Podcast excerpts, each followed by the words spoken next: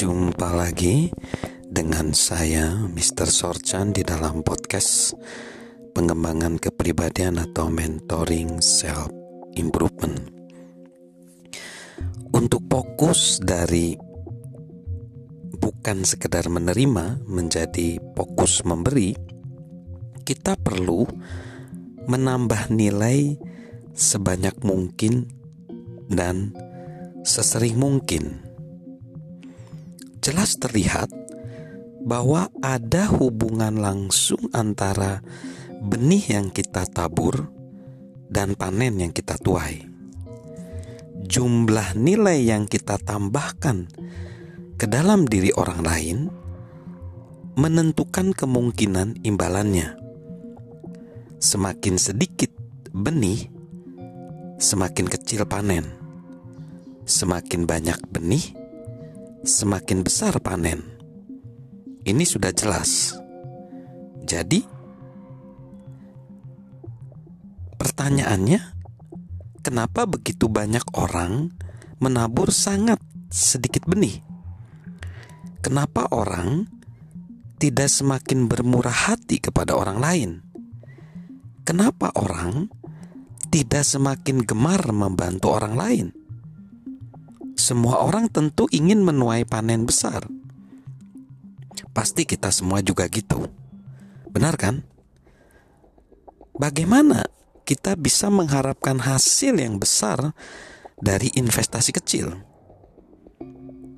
Landasan dan inti dari setiap mimpi yang terwujud berasal dari menabuh benih-benih positif. Jadi, kalau kita ingin hidup dalam perubahan ini, kita harus berhenti berangan-angan dan mulai bekerja. Ketimbang mencari resep rahasia kesuksesan, kita harus mulai menabur benih kesuksesan. Ada satu pengalaman yang dialami oleh seseorang bernama James. James ini dia banyak memberi sumbangan atau uang sebagai amal kepada lembaga-lembaga nirlaba. Ketika ditanya, kenapa sih dia mau menjadi filantropi, menjadi dermawan?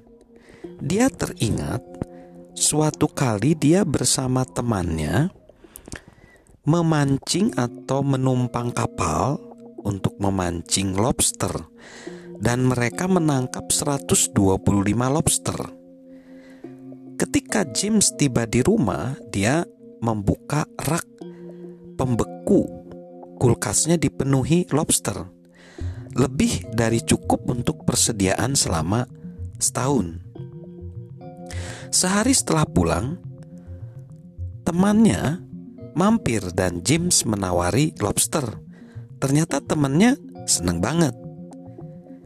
Lalu interaksi itu menorong James menanyai diri sendiri, siapa lagi ya kira-kira kenalan saya yang mungkin menginginkan lobster? Akhirnya James punya gagasan untuk membagikan lobster kepada teman-temannya sehingga pada akhir minggu ia sudah memberikan 122 lobster dan dia hanya menyisakan tiga lobster untuk dirinya. Wow, James bersuka cita saat memberi. Sampai-sampai tidak berkeberatan persediaan lobsternya berkurang. Dari cukup untuk setahun, sekarang cukup untuk sekali makan aja. Lalu, beberapa hari kemudian, James pergi ke garasinya dan segera ketika dia pergi ke garisnya dia merasa ada bau busuk yang menyengat di garasinya. Lalu dia mengendus, oh ternyata mesin pembuk, pembeku atau prosennya, mesin prosennya, mesin pembekunya, listriknya padam. Jadi akhirnya tiga lobster yang tersisa itu udah membusuk sembari membersihkan mesin pembeku dari lobster busuk itu, dia jadi ingat. Untung semua lobster sudah saya berikan. Kalau enggak, 122 lobster malah jadi busuk. James jadi menerapkan pelajaran tentang lobster itu terhadap kehidupannya di mana dia mau menjadi dermawan dan beramal ke berbagai lembaga. Ia tahu ia takkan kehilangan benih yang ia tabur. Benih yang terbuang hanyalah benih yang tidak ditabur.